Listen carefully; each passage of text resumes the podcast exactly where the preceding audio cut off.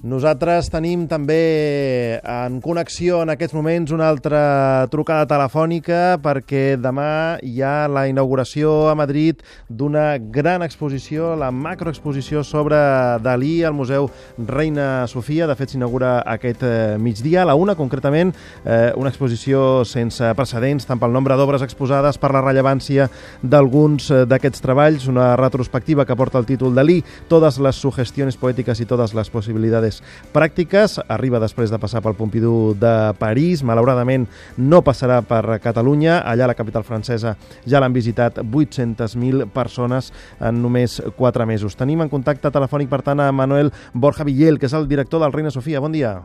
Bon dia, com estem?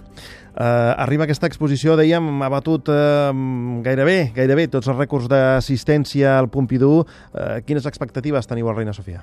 Bueno, les expectatives eh, eh, són, són les, les mateixes a, a l'estat espanyol.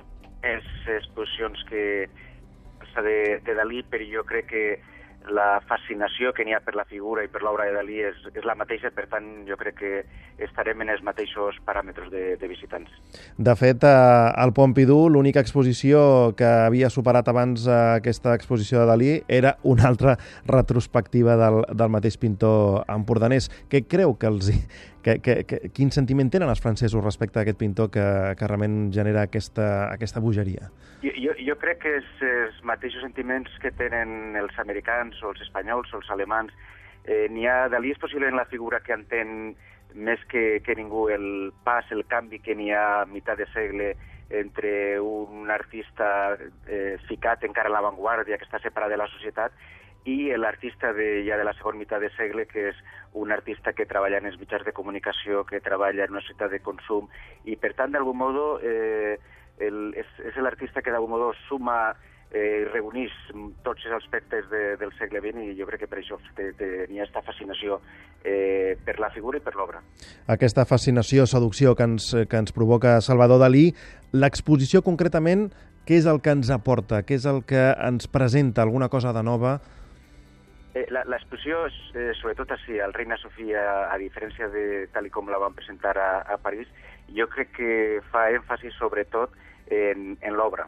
Fa èmfasis, òbviament, la seva figura, la seva, la seva biografia era tal vegada la seva millor obra, eh? també està en l'exposició, però sobretot fa, fa eh, èmfasis en el Dalí eh, pintor, en el Dalí autor, en el Dalí eh, poeta, que d'algun modo és eh, algo que ha estat sempre un poc en l'ombra eh, de, de, de l'anècdota de, del personatge i jo crec que el que mostrarà els serà prou, jo crec que serà prou novedós eh, en aquest sentit.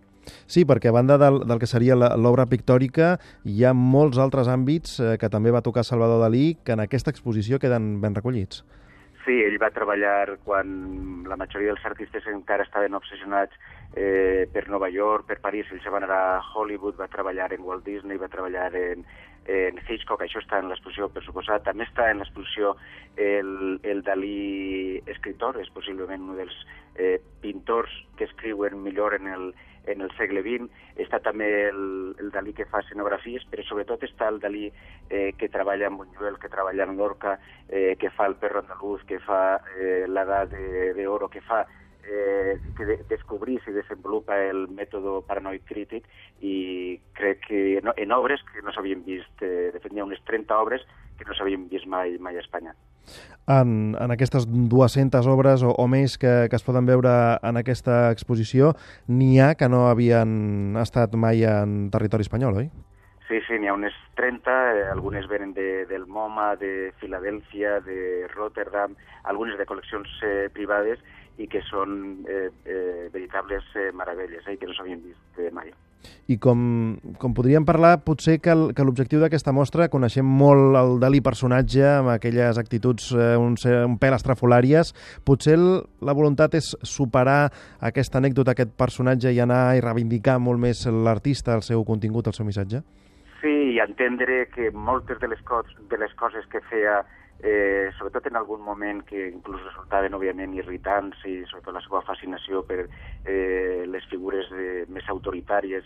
Eh, tot això se veu des de la perspectiva d'un artista que fa una gran construcció de la seva vida, una gran construcció de la seva obra, i, i ja dic que ens fixem en la mostra sobretot en, en l'obra d'un artista que entén eh, la pintura com a llenguatge, que entén com un desig d'entendre una realitat, una realitat que és monstruosa, que és terrible, i, i en aquest sentit crec que el Dalí, eh, que es comença a fer un treball molt personal als anys 20 i que continua, és un, una figura essencial en l'art del segle XX i que té encara eh, total vigència avui en dia.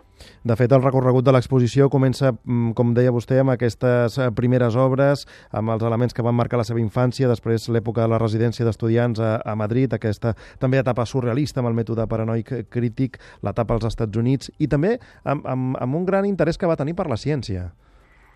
Sí, de fet, eh, aquest interès és comú en més artistes dels anys 40 i 50. De fet, per a molts d'ells, eh, l'explosió de la bomba atòmica, els descobriments de, del microscopi electrònic, va ser com un, un descobrir el món altre, des d'una altra perspectiva i, per tant, estan tots molt, molt interessats en, en la ciència. És el moment en què ell se fixa moltíssim en el ADN, se fixa en com com se desenvolupa la, la matèria, però bé, de totes formes té aquest interès per lo material, per lo baix, per lo antiidealista, ja, ja estava eh, també en els anys eh, és, és un interès que de fet le ve també de, de Miró, le, fe de, le ve dels seus, les seues lectures de, de Batall, dels seus contactes en, en, en Lacan, i per tant està pres, eh, present soles que dic, en els anys 40-50 eh, s'inclina més cap a, cap a la ciència. Uh, una exposició que malauradament no vindrà a Catalunya. Uh, M'imagino que vostè, evidentment, com a director del Reina Sofia, satisfet que, que vagi a aquest centre, però no sé com ens podem explicar des d'aquí que, que una retrospectiva sobre un pintor català doncs, no la puguem veure a la nostra terra. Eh, bueno, de, de fet és, és una mostra que jo crec que és difícil, que eh, seria difícil que anés a més de dos, dos llocs eh, per, per, simplement per qüestió de, de préstecs. En aquest cas, de totes formes, nosaltres hem treballat eh, molt eh, estretament a la Fundació Dalí en Figueres, de fet tenim molt bona relació, jo estic en el patronat i ells estan en el patronat de, del Reina, i, i, i per tant és una, és una exposició feta en col·laboració amb moltes institucions. Uh -huh. uh, Manolo Borja Villel, eh, director de Reina Sofia, moltíssimes gràcies per atendre'ns avui al matí de Catalunya Ràdio. Qui tingui interès per anar a veure aquesta exposició, aquesta gran retrospectiva sobre Dalí, que sàpiguen que fins al 2 eh, de setembre doncs, tindran ocasió per visitar-la. Moltíssimes gràcies. Gràcies.